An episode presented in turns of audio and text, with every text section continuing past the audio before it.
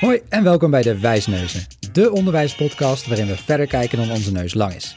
We zoeken uit hoe het zit en bespreken wat je ermee kan. En welkom bij de vijfde aflevering van de Wijsneuzen. Ik ben Linda Ik ben Wessel.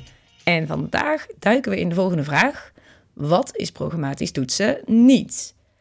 Wessel, wat is de aanleiding voor deze vraag? Waarom maken wij deze podcast?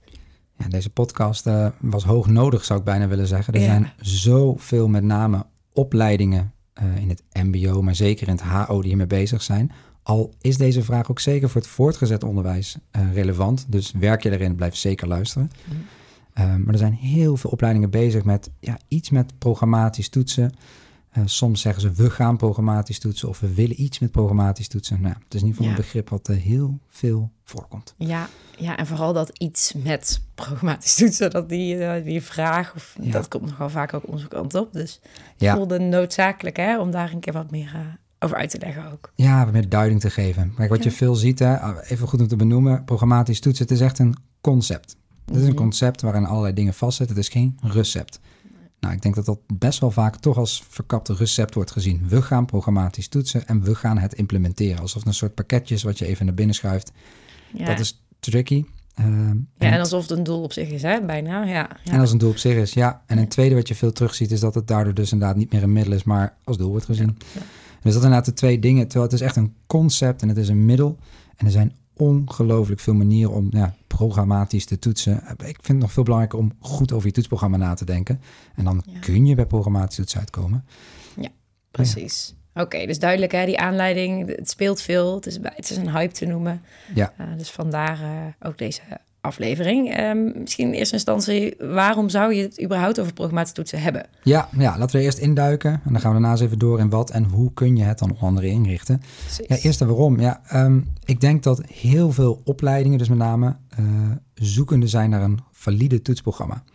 Wat je best veel ziet is dat eh, op veel opleidingen heel veel kleine toetsen zijn. Soms zelfs van 2,5, 3, 4 studiepunten. Met soms daaronder nog verkapte vinktoetsen. Mhm. En wat je krijgt in heel veel toetsprogramma met relatief weinig leerruimte. Eh, daarbij zijn het dan best vaak ook nog allerlei verschillende eh, vakken. Met alles ook bijna eilanden zou je kunnen zeggen. Ehm, allemaal losse momentopnames die relatief weinig samenhang vertonen. Nou, het is een soort zoektocht naar hoe kunnen we recht doen aan wat een student ja, kan. Kan laten zien in hoeverre die bijvoorbeeld bepaalde leeruitkomsten beheerst. Dus ik denk dat daar een zoektocht zit. Mhm. En een andere belangrijke daaraan vast is ook wel, nou, hoe kunnen we ervoor zorgen dat binnen een toetsprogramma studenten voldoende worden gestimuleerd om nou, zelfstandig dingen te doen, eh, meer gemotiveerd daarbinnen te zijn. Dus het is een soort vaak een combinatie, denk ik, van recht doen aan een nou, goed toetsprogramma, zeg maar, recht aan wat de student eh, kent, kan, kan laten zien, en studenten stimuleren om te leren. Ja. Eh, ik denk dat dat wel de twee belangrijkste zijn. Ehm, en eigenlijk raakt dat ook wel een beetje aan de functies van een toets. Want wat, wat is er nou eigenlijk een toets? Nou, eigenlijk heeft een toets heeft verschillende functies. Mhm. Aan de ene kant wil je van een toets kunnen leren. Het heeft een lerende functie. Een tweede eh, wordt ook vaak genoemd is dat je door een toets je eigen onderwijs wil kunnen evalueren. Dus evaluatiefunctie. Ja, door middel van toetsen. Ja, ik zeg altijd, als de helft van de studenten een onvoldoende haalt, dan heb je het onderwijs onvoldoende goed vormgegeven. Doe je vast niet expres, kunnen allerlei omstandigheden meetellen, maar het is heel gek. In een eerste jaar zo kan het nog. Hè? Dan heb je een beetje het kaf van het koren scheiden, zo, hè? een Ja, beetje selecterende precies. functie, maar daarna. En de derde functie is de beslisfunctie. Dus door middel van toetsen neem je beslissingen. Die kunnen soms heel klein zijn. Bijvoorbeeld een kleine formatieve check, dat is eigenlijk ook een toets. Dan kun je kijken, hey, in hoeverre stappen studenten dit? Kan ik al door naar het volgende onderdeel? En soms zijn die beslissingen veel groter. En dan is het van, hey, ik ga nu echt punten, studiepunten toekennen. En dat nou, heeft echt gevolgen voor de voortgang van je opleiding. Mhm. Ja, dus de drie functies van een toets zijn de leerfunctie, de evaluatiefunctie en die beslisfunctie. Ja. En ik denk dat programmatisch toetsen met name over die leer- en beslisfunctie gaat. Namelijk ja, goed kijken dat studenten ervan kunnen leren en daar goede beslissingen over nemen. Maar een toets is niets anders dan een brug tussen didactiek en leren. Je zet doorlopend toetsen in. Je bent eigenlijk iedere les en daaromheen continu aan het toetsen als het goed is. Mhm. En daar heel goed over nadenken. Nou, ik denk dat daar telkens meer belang aan is. Dus als je het hebt over de waarom van programmatisch toetsen. Nou, goed bewust nadenken over programmatisch toetsen. Over toetsen, ja. En e- heel even nog, hè, want je legt nu drie functies van toetsen uit. Ehm, zien wij die ook alle drie altijd terug in een toets? In principe wel. In principe zou alle drie de functies erin moeten zitten. Alleen je ziet wel op het moment dat er een zwaarwegende beslissing wordt genomen, ja, dan, dan is de leerfunctie vaak vrij laag, omdat het is een zwaarwegende beslissing. Dus daar zit altijd wel een balans in, zou je kunnen zeggen. Ja. Uh, maar in principe wil je dat een toets altijd alle drie de aspecten raakt. Oké, Ja. interessant ook uh, om bij jezelf na te gaan bij de toetsen die je ontwerpt. Of die, uh, die Zeker. functies ook hebben. Ja, ja. Dus dat. Oké, helder. Um, nou, misschien dan even iets meer nu de waarom duidelijk is. Wat is het nou precies? Ja, programmatisch toetsen. Als je kijkt naar de definiëring, dus echt wat is nou de definitie? Nou, de meest nou, vooraanstaande definitie is een holistische benadering waarbij wordt gekeken naar de gehele ontwikkeling van de student. Het doel van programmatisch toetsen is en het optimaliseren van de betrouwbaarheid van de beslissing Ja. en het stimuleren van het leerproces van de student, oftewel die leerfunctie. Ja, precies. Daar komen die twee functies weer terug, hè? die Juist. beslissen en die leerfunctie. Ja, Ja, dus dat samen optimaliseren, dat is eigenlijk het belangrijkste. Ja. Dus wat je wilt doen is, eh eh nou, student is continu leren, die toets je continu. En dat holistische, dat is hierin denk ik het meest belangrijke begrip. Ja. En dat om meteen eventjes bijvoorbeeld naast portfolio toetsen te zetten. Want heel vaak wordt programmatisch toetsen naast portfolio toetsen gezet. Mhm. Niet gek, we tonen ongelooflijk veel overeenkomsten. Maar ik denk een heel belangrijk verschil is bij een, nou, tussen mijn haakjes, regulier eh, portfolio toets. Dan leveren de student verschillende producten in en die worden allemaal los beoordeeld. Ja. Die moeten bijvoorbeeld allemaal voldoende zijn of een deel daarvan moet voldoende zijn. Soms wordt er tijdens een periode beoordeeld of allemaal aan het einde van de periode. Maar in ieder geval heb je een portfolio wat wordt beoordeeld. Bij programmatisch toetsen kijk je veel meer holistisch. Dat betekent eigenlijk twee belangrijke verschillen. De eerste belangrijke is dat een student gedurende een periode, wat vaak toch wel een minimaal een semester is, allerlei ook wel producten maakt of handelingen verricht. Mhm. Maar daar destilleer je eigenlijk informatie uit. Dat wil zeggen dat de handeling of het product op zichzelf beoordeel je niet, maar je achterliggend kijken of onderliggend welke leeruitkomsten gaat het over en daar vind je wat van. Daar geef je feedback op. Ja. Of je werkplekbegeleider of wie dat ook is. Mhm. Dus dat betekent dat je al wat anders kijkt. Je hoeft niet per se drie producten in te leveren. Het kan best zijn dat het er twee zijn, maar dat dat al voldoende informatie biedt. Of misschien zijn het er wel vier. Het gaat er vooral om wat laat je daarmee zien. Ja. En een tweede, hele belangrijke is dat holistische weer. Dat je goed wil kijken naar zijn totaliteit. Als jij bijvoorbeeld vier keer wat doet, kun je dan vier keer in zijn totaliteit laten zien dat je bijvoorbeeld een bepaalde leeruitkomst beheerst. Het kan best zijn dat dat één of misschien zelfs wel twee keer helemaal niet zo goed gaat. Nee. Maar twee andere keren supergoed. Nou, dan kun je natuurlijk meer holistisch kijken. Wat laat dit nou samen zien? En dan zeg je dus niet heel analytisch... hey, je hebt van de vier dingen twee niet voldoende. Dus niet goed. Nee, Nee. je hebt het vier keer laten zien. En de taal twee keer ervan ging het echt goed. Dus dat is een andere kijk. Echt meer een holistische blik in plaats van een losse blik. Ja, het, het, het zegt ook wel wat over je durf. Want het lijkt me best wel spannend om dan ja. dus alsnog een beslissing te nemen... terwijl er misschien twee keer iets niet goed ging. Dat, Ja. ja. Ja, zeker. Het, het vergt ja, echt wat meer een holistische blik, zeg maar, om Ja. te kijken. Ehm, en het past ook niet in alle contexten. Nee. En het past ook niet eh, bij alle visies. Het past misschien ook wel niet bij alle landelijke profielen. Je moet heel goed kijken van, hey, matcht dat? Ja. Daarom is dit, dit concept, dit gegeven, op die manier kijken naar leren, past dit bij ons team? Ja. Want je kunt heel mooi in een visie even neerknallen, maar ook je- docenten moeten er ook aan wennen. Vind, die vinden ook wat, hoe kijk je naar toetsing? Mhm. En dat is een andere manier. Wat je eigenlijk wil is dat leren gaat van, eh, ze zeggen wel eens van foto naar film. Je wil al die losse foto's, al die losse handelingen, dan wel producten wat studenten doen, maken, verrichten. Dat wil je in zijn totaliteit kunnen bekijken van laat dit nou een compleet plaatje van de student zien. Ja, oké. dus eigenlijk je hebt, hè, even concluderend, eh, wat is het nou precies? Je hebt een, bak aan informatie verzamel je als docent, denk ik, hè? ook als student. Maar je hebt dus heel veel informatie van die student.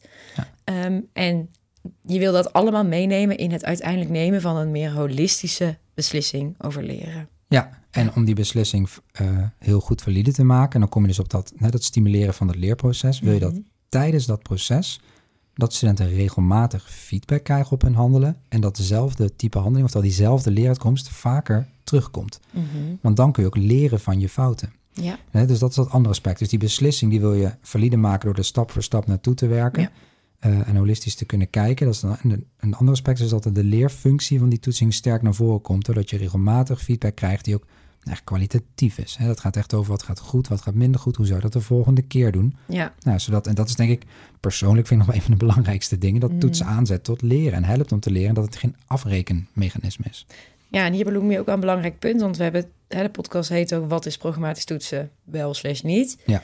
Oh, want ik, dingen die je me nu vertelt, doen mij ook erg denken aan eh, formatief handelen. Hè? Dus tijd feedback geven, Ja. leren, proces stimuleren. Is dat, ja, Ja, is dat niet hetzelfde? Nou, het heeft heel veel overeenkomsten. Hè. Dat is wat, kijk, uiteindelijk gaat, als je uitzoomt, gaat over het denken over data. Ja. Waarover wil je uiteindelijk een beslissing nemen? En hoe beoordeel je tussentijds, en geef je dus feedback en dergelijke, of studenten dat in bepaalde mate kunnen. Ja. En dat gaat hetzelfde voor leerlingen bij formatief handelen. Uiteindelijk wil je een hoofdstuk toetsen bijvoorbeeld, of bepaalde leerdoelen toetsen. Stap voor stap bouwen leerlingen daar naartoe. En Ja. tussentijds geef je feedback. Precies. Dus het denken, een belangrijk verschil is dat bij formatief handelen is dat de beslissing, de zwaarwegende beslissing op het einde, vaak is geënt op bijvoorbeeld een product of een handeling. Mm. Of meer een analytisch portfolio. Dat zijn wel echt losse facetten. En dat holistische op het einde, ja, dat ontbreekt eigenlijk altijd. En dat is Ja. niet slechter, hè? dat is gewoon een andere manier van kijken. Maar dat betekent dat datgene wat je tot de summatieve beslissing doet ook nul waarde heeft. Terwijl bij programmatisch toetsen, datgene wat je richting dat einde doet, ja, daar wordt informatie uitgehaald. Dus dat Oh, betekent dat je wel, nou, dat heeft wel enige waarde. Het is al wat je noemt low stake. Het heeft niet op, op zichzelf staand niet veel invloed. Maar goed, als jij vier keer iets moet laten zien, de, de taal wordt wel die vier keer gekeken en dat wordt allemaal meegenomen. Oké, duidelijk. Oké, Ja. bij formatief handelen neem je tussentijds neem je niet mee eh, wat je aan feedback geeft voor de beslissing die je neemt. In principe niet als je het Nee. heel sec bekijkt. Nee, het kan best zijn dat je het natuurlijk opneemt. eh, nou ja, hoe ben je met feedback omgaan tussentijds? Maar dan ga je het heel expliciet benoemen, zeg maar. En in principe eh, maakt dat vaak geen onderdeel uit van de beslissing op het einde. Oké, nou, je hebt al kort het begrip low stake eh, genoemd. Volgens mij is het goed om even te kijken naar hoe richt je nou dat programmatische toetsprogramma in. Yes, ja, want drie begrippen die heel vaak voorkomen en waar ook best wel vaak verwarring over is, dat zijn een low stake, een medium stake en een high stake. Ehm, en soms wordt het ook wel weer anders genoemd. Medium stake, hè, dat eh, soms de mensen denken aan een restaurant, maar het is toch echt wat anders. Ehm, maar even die drie begrippen eruit, want die zijn ontzettend belangrijk, evenals het begrip datapunten. Ook, ook daar dingen worden ook nog wel eens door de war gehaald. Ja. Nou, goed om het even vast te pakken.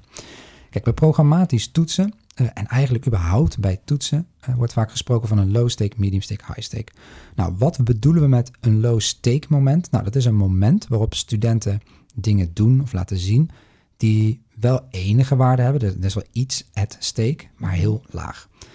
Dat zijn eigenlijk de datapunten. En dus datapunt en low stake is eigenlijk hetzelfde. En bij programmatisch toetsen zeg je dan, nou, in bijvoorbeeld een semester zijn er een x aantal datapunten, dus momenten waarop jij een tussenproduct inlevert of een bepaalde handeling verricht, eh, iets op stage doet of iets in de les doet. En vervolgens krijg je op zo'n moment of daarna feedback op één of meer leeruitkomsten die vaak gebundeld zijn in zo'n datapunt. Ja, dus op zo'n low stake moment. Dus ik geef een presentatie en vervolgens krijg ik naar aanleiding van die presentatie bijvoorbeeld feedback op twee verschillende leeruitkomsten. In hoeverre heb ik dit laten zien en in hoeverre heb ik dat laten zien. Oké.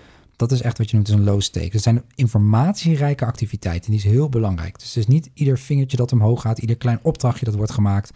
Eh, dan wordt het een grote soort verantwoordingsgebeuren. Mhm. Dit kan dus ook prima wel een kennistoets zijn. Hè? Soms wordt gedacht, het moet al een anders. Een kennistoets kan ook een, een low stake, kan ook een datapunt zijn. Ja. Zolang je die maar in het holistische verhaal wil en durft mee te nemen. Dat is een hele belangrijke. ja. En, en hoe bepaal je wat een low stake, wat een goede low stake is? Hoe kom je daar? Ja, door heel erg dus na te denken over aan het einde wil ik een beslissing nemen. Welke informatie heb ik daarvoor nodig? Hoe kunnen studenten dat zichtbaar maken? Dus echt backward design, achterwaarts ontwerpen.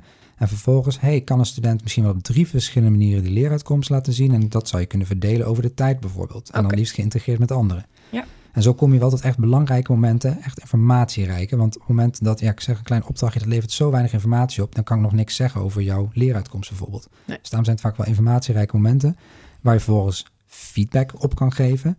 En dat de student, als het goed is, diezelfde leeruitkomst vaker gaat laten zien. En dan, als het goed is, ook wat doet met die feedback. En dat is die leer, lerende functie, zeg maar, die leerfunctie. Ja. Nou, wat daar twee hele belangrijke begrippen zijn, zijn triangulatie. Dus je wil dat een student bepaalde leeruitkomsten dus vaker laat zien, maar het liefst in eh, verschillende vormen. Maar ook dat verschillende mensen er wat van vinden. Dus niet Mm. alleen maar dat dezelfde persoon altijd feedback geeft, want dan heb je nog niet voldoende informatie over hoe het gaat. En de verschillende vormen gaat erover dat je in verschillende contexten dezelfde leeruitkomst laat zien. Dat Oh, geeft ja. een wat breder beeld. Ja. Nou, dat andere begrip is saturatie. Ja, wat je wil is dat een, de leeruitkomst dusdanig vaak naar voren komt Mhm. dat, nou, mocht ik het nog een keer laten zien, dat het eigenlijk geen nieuwe informatie meer toevoegt. Of dat nou goed of slecht is als een tweede. Maar hè, het gaat erover dat ik overduidelijk kan vinden. Dat het geen momentopname is. Precies het tegenovergestelde ervan. Hè, saturatie staat voor verzadigdheid eigenlijk. Even verzadigd, een overtuigende hoeveelheid data. Ja. En het kan best zijn dat dat bij de ene leeruitkomst een stuk meer is dan bij de andere. En het kan ook per persoon zelfs een beetje verschillen. Het kan best zijn dat één iemand het twee keer overtuigend laat zien... en dat een ander het twijfelachtig laat zien. Dan moet hij misschien wel een derde of vierde keer laten zien... om een wat duidelijker beeld te krijgen. Dat zou kunnen. Ja. Ja. Ik denk altijd wel een paar keer minimaal, want ook al kan iemand het heel goed, als ik het één keer zie, blijft het een momentopname. Ik wil het wel een paar keer zien, dat ik zeker weet dat je het goed kan. Ja. Dus dat is een belangrijk. Oké. Nou, een tweede begrip daarbij is de medium stake. Mhm.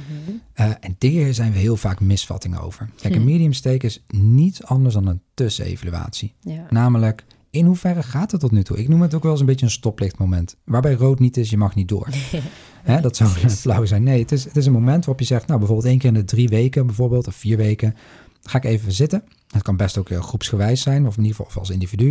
En ga ik gewoon zitten, hoe gaat het met je? In hoeverre heb je bepaalde leeruitkomsten wel of niet aangetoond? Wat gaat goed, wat gaat minder goed? En dat heeft dus nul summatieve waarde. In die zin, ja, kan wel een, en dan gaat het vlaggetje uit. Want dat betekent helemaal op het einde bij de high stake wil je wel kijken hoe gingen die tussenevaluaties. En het kan best zijn dat één of twee dat daar naar voren kwam. hey, tot nu toe zijn bepaalde leeruitkomsten niet zo goed. Maar op zich, het is niet zo dat je niet door mag of dat je een onvoldoende haalt bij zo'n Nee. moment. Waarom is het bij programmatische toetsen zo belangrijk om zo expliciet zo'n medium stake moment te, on- te ontwerpen of in te plannen? Want is dit ook niet gewoon onderdeel van je didactiek? Dat je peilt hoe gaat het met mijn leerlingen en studenten? Zou je hopen? Eh, Ja. ja, nou, ik denk dat het heel belangrijk is, omdat uiteindelijk wil dat zo'n high stake dat dat geen verrassing is. Mhm. Ehm, en je wil dat studenten goed de kans krijgen om eh, nou, stil te staan bij hun ontwikkeling. Ehm, en ik denk op het moment dat je dat niet expliciet goed inplant, ja, dan kan uiteindelijk een student kan heel veel data aanleveren, verzamelen. Natuurlijk krijg je daar feedback op. ja. Maar op het moment dat je er af en toe expliciet bij stilstaat, dan kun je het ook hebben over, hey, tot nu toe lukt bijvoorbeeld een bepaalde leeruitkomst niet. Wat wordt je vervolgactie? Een beetje een Ja, soort remediëring, zou ik maar even zeggen in het klein. Die is wel heel belangrijk, dat er expliciet bij wordt stilgestaan, buiten het feit dat het ook mag gaan over, hoe vind je het überhaupt? Een beetje loopbaanbegeleiding op de Mm. opleiding. ja. Ja, dus plan je één keer in de zoveel tijd. Ja, en ik kan me ook voorstellen, omdat je over het algemeen met grotere eenheden werkt die langer lopen bij programmatische toetsen, dat ja, die student dit ook een beetje als houvast nodig heeft om zelf grip te houden op zijn eh, leren. Zeker, zeker. Daarom is het denk ik eh, eh, heel belangrijk om, nou ja, dit, er- en dit, als je het over zelfregulerend vermogen hebt, waar we Ja. het eerder over hebben gehad, dan is het wel fijn als er af en toe even een goede check tussendoor is. Ja, Zeker, precies. zeker. Podcast 4 gaat erover. Ja, precies. Ja, en dan komen we aan bij de high stake. Nou, het belangrijkste moment, high stakes, er staat veel op het spel. En dat is het moment waarop er wel dus een summatief oordeel wordt geveld. Je stelt vast wat er is geleerd. Belangrijk hierbij is dus dat het een holistisch oordeel is. Mhm. En dat wil zeggen dat je naar alle data kijkt. En dat is onder andere dus de feedback die is gegeven op de producten en handelingen. Dat is de belangrijkste data vaak. Mhm. En dat je op basis daarvan kijkt in hoeverre een student nou, bijvoorbeeld 30 studiepunten krijgt of niet. Het zijn echt high stakes, erop of eronder. Ja. Dat klinkt dan vaak heel heftig, hè? Ja, 30 spannend. studiepunten. Ja. Ja. Of zelfs soms wel meer. Belangrijk daarbij is, daar bouw je dus als het goed is stap voor stap naartoe. Dus het zou niet meer als een verrassing moeten komen. Een student zou een dag van tevoren echt wel moeten weten, heb ik het gehaald of niet? Ja. Of zo niet, wat zou ik dan moeten doen? Nou, vaak bekijk je bij zo'n high-stake eh, nou, met twee of drie mensen, vaak toch wel een panel. Eh, ik zou bij voorkeur altijd kiezen voor bekende en onbekende mensen. Je wilt toch het verhaal achter die student weten en tegelijkertijd neutraal genoeg zijn. ja. Ehm, en wat je dus vaak doet bij zo'n high-stake is, nou dan ga je volgens mij eerst kijken naar de medium stakes. Hoe is dat gegaan? Mhm. Ja, als daar iedere keer naar voren komt dat heel goed is gegaan, dan ben je in ieder geval snel klaar met het oordeel. Dan wil je nog wel onderbouwen als een tweede. Ja. Ja, het kan ook best zijn dat er bij een paar keer bij een medium stake blijkt dat, moi, zeg maar oranje licht om maar even zo te noemen. Mhm. Is dat dan omdat heet het dezelfde leeruitkomst niet goed is gegaan? Of om iedere keer een andere leeruitkomst? Is dat nou iedere keer dezelfde? En is nou op het einde blijkt dat je een bepaalde leeruitkomst niet goed beheerst? Wat vinden we daarvan? ja, precies. Ja, je zou kunnen zeggen, ja, eh, dan heb je dus niet voldoende, want we willen alles op voldoende niveau. Mhm. Ah, je zou ook kunnen zeggen, je bent nog lerende en dit is niet voldoende, maar je hebt twee andere misschien wel uitmuntend. In de balans, holistisch gezien, ben je wel echt goed op weg. Ja. Nou, richting het einde van de opleiding is dat een beetje ingewikkeld. Je kunt geen half diploma afgeven, maar het is wel Ja. daar goed over nadenken. Eh, dat is heel erg belangrijk. En dat vraagt dus ook wat van zo'n panel. Ja. Hoe zwaarder de beslissing, hoe steviger je het panel wil hebben. Dat is ook een van de kenmerken van programmatisch toetsen. Eh, andere kenmerken trouwens, die eh, staan in het artikel bij deze blogpost bij ons eh, Yes. op de website.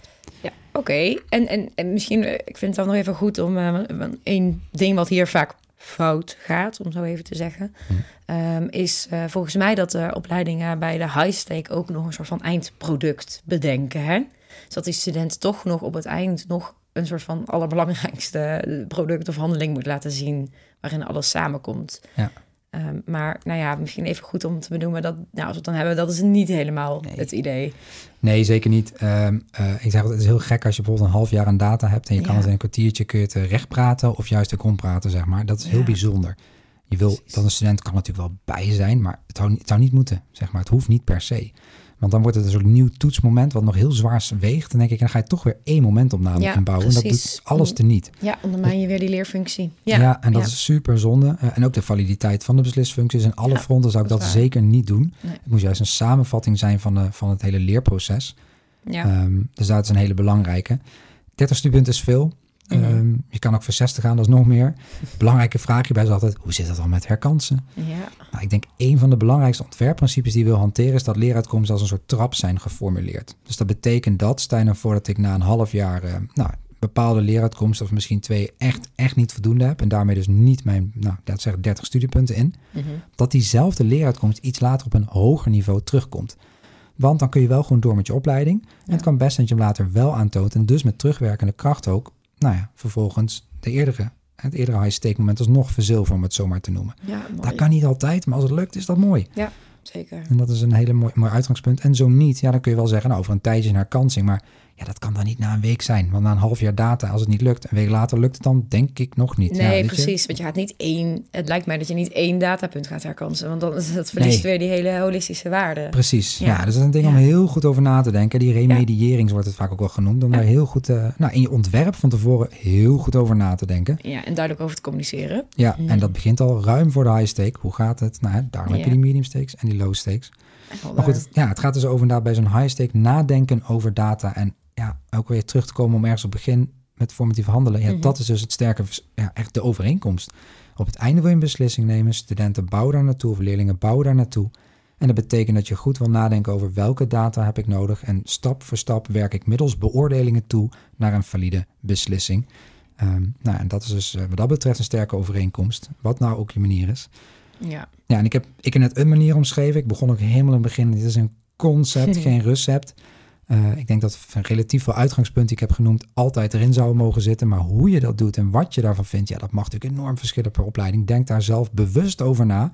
Eh, ja en ga niet zomaar de opleiding binnenfietsen, want ja, dat is vooral zo zonde. precies. En besef ook dat er heel veel keuzes te maken zijn bij het ontwerpen van zo'n toetsprogramma. Precies. En zolang ze maar bewust gemaakt worden, Ja. dat is het allerbelangrijkste. Precies, precies. Dus dat, eh, nou, en wil je nou meer over weten?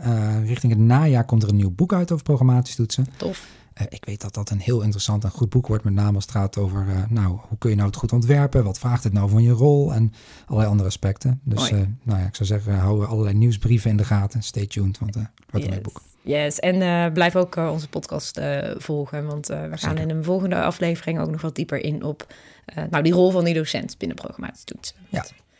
Nou, bedankt voor het luisteren en eh, tot, de, volgende.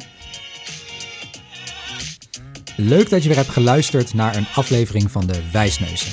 Wil je nou meer weten over het onderwerp dat je net hebt beluisterd? Ga dan naar vernieuwenderwijs.nl slash podcast. Heb je ideeën of suggesties voor de podcast? Stuur dan een mailtje naar podcast.vernieuwenderwijs.nl